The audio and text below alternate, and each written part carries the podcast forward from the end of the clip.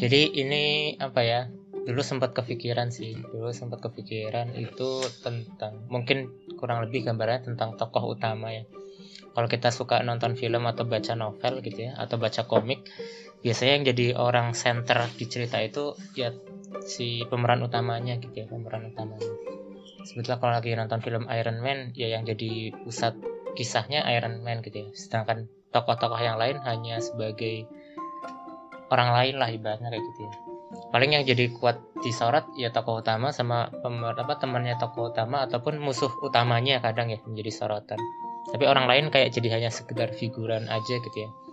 Jadi kalau misal kita suka nonton film laga banyak yang akhirnya tiba-tiba kayak ketembak mati ketembak mati itu kayak jadi angin lalu aja. Jadi kayak ya itu memang nggak penting gitu kan. Jadi kayak sekedar angin lalu aja. Pun di novel pun di komik juga kurang lebih seperti itu sih. Nah kadang eh, menariknya adalah uh, kalau hidup kita hanya menjadi satu buah kisah film gitu ya dan hanya ada segelintir orang yang jadi pemeran utamanya terkesannya unfair gitu ya nggak adil gitu kan nggak adil. Kenapa? Karena cuma segelintir orang aja yang akhirnya menjadi sorotan utama yang jadi uh, happy ending lah ibaratnya gitu. Terus orang-orang lainnya gimana nih? Yang ibaratnya misal sebutlah misal film superhero gitu ya Batman, Superman, Iron Man, terus ada polisi yang lain ngebantuin di belakang tapi kayak nggak penting gitu kan sebenarnya, kayak nggak penting gitu kan nggak nggak tahu uh, bagusnya apa dan sebagainya. Nah tapi ternyata yang menarik memang hidup ini tidak berlaku seperti satu buah film aja gitu ya. Tapi menariknya bahwa hidup ini setiap dari kita adalah pemeran utama dari setiap kisahnya kita gitu. Jadi kalau misal di dalam satu buah film gitu ya, saya sempat ngebayangin pingin bikin sebuah film di mana semua karakter itu akan jadi pemeran utama gitu. Ibarat kata kayak ada sequel gitu ya. Misal kisahnya tentang di satu daerah Salman misal ada 20 orang gitu ya. kadang kalau di satu film A si tokoh utamanya si A doang gitu ya. Tapi yang lain kayak nggak diceritain seolah kayak nggak penting gitu ya.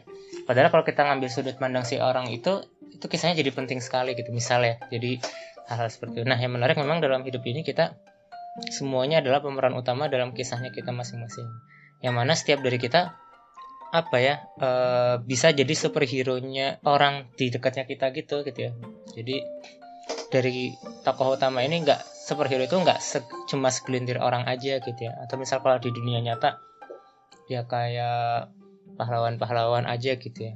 Tapi setiap orang punya kisahnya, bahkan kita kisahnya masing-masing jadi superhero-nya masing-masing.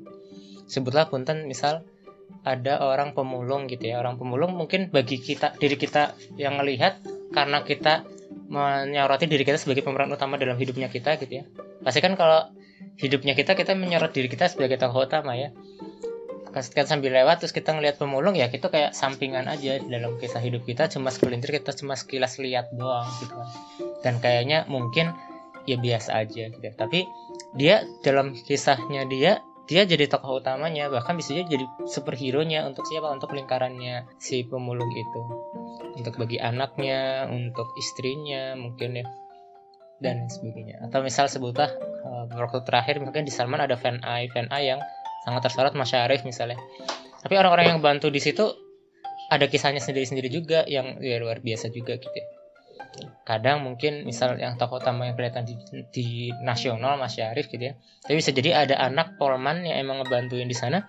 Dia merasa oh ini uh, ya sangat apa perform gitu kan. Jadi sebuah tokoh utamanya gitu. Jadi setiap dari kita adalah pemeran utama gitu ya dalam kisahnya kita masing-masing. Dan setiap dari kita adalah superhero gitu ya.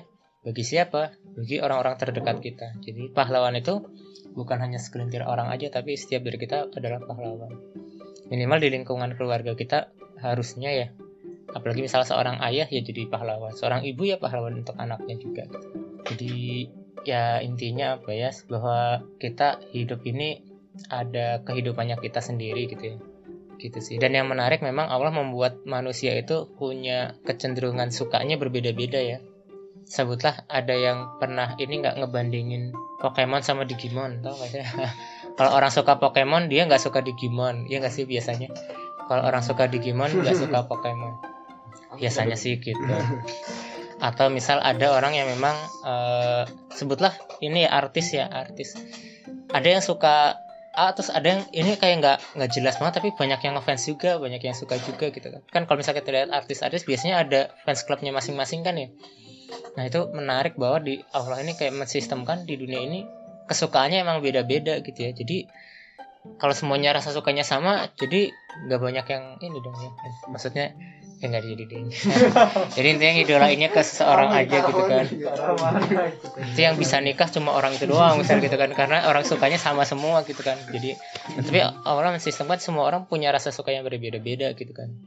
Idola yang berbeda-beda dan sebagainya. Jadi ya intinya uh, hidup ini kita menjalani skenario filmnya kita masing-masing di mana kita adalah pemeran utamanya gitu ya. Dan kita akan jadi superhero di kisahnya kita masing-masing. Dan Allah membuat semuanya sistemnya itu sangat amat sangat adil gitu ya. Preferensi orang rasa suka orang beda-beda juga gitu kan. Sehingga apa yang kita lakuin bisa jadi itu menjadi sebuah super banget gitu ya untuk orang-orang tertentu gitu kan. Jadi gitu sih. Intinya menjalani kehidupan atau semestanya kita masing-masing lah ya dalam skenario filmnya kita masing-masing. Gitu mungkin sedikit apa ya hikmah yang aku coba sempat dapat bahwa setiap kita ya, pemeran utama dalam hidupnya kita masing-masing. Gitu mungkin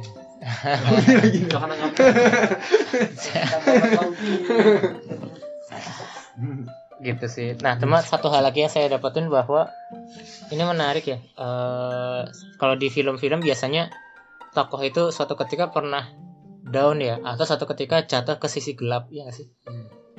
Ya, sisi gelap lah atau seperti apa dan sebagainya. Nah, kalau saya rasa kita perlu untuk berpikir bahwa ya semua orang juga punya ketidaksempurnaan ya dalam hidup gitu kan. Jadi akhir-akhir ini saya melihat bahwa oh ternyata setiap orang kayak punya sisi apa sisi gelap gitu ya. Kadang kita melihat dia perfect sekali gitu ya.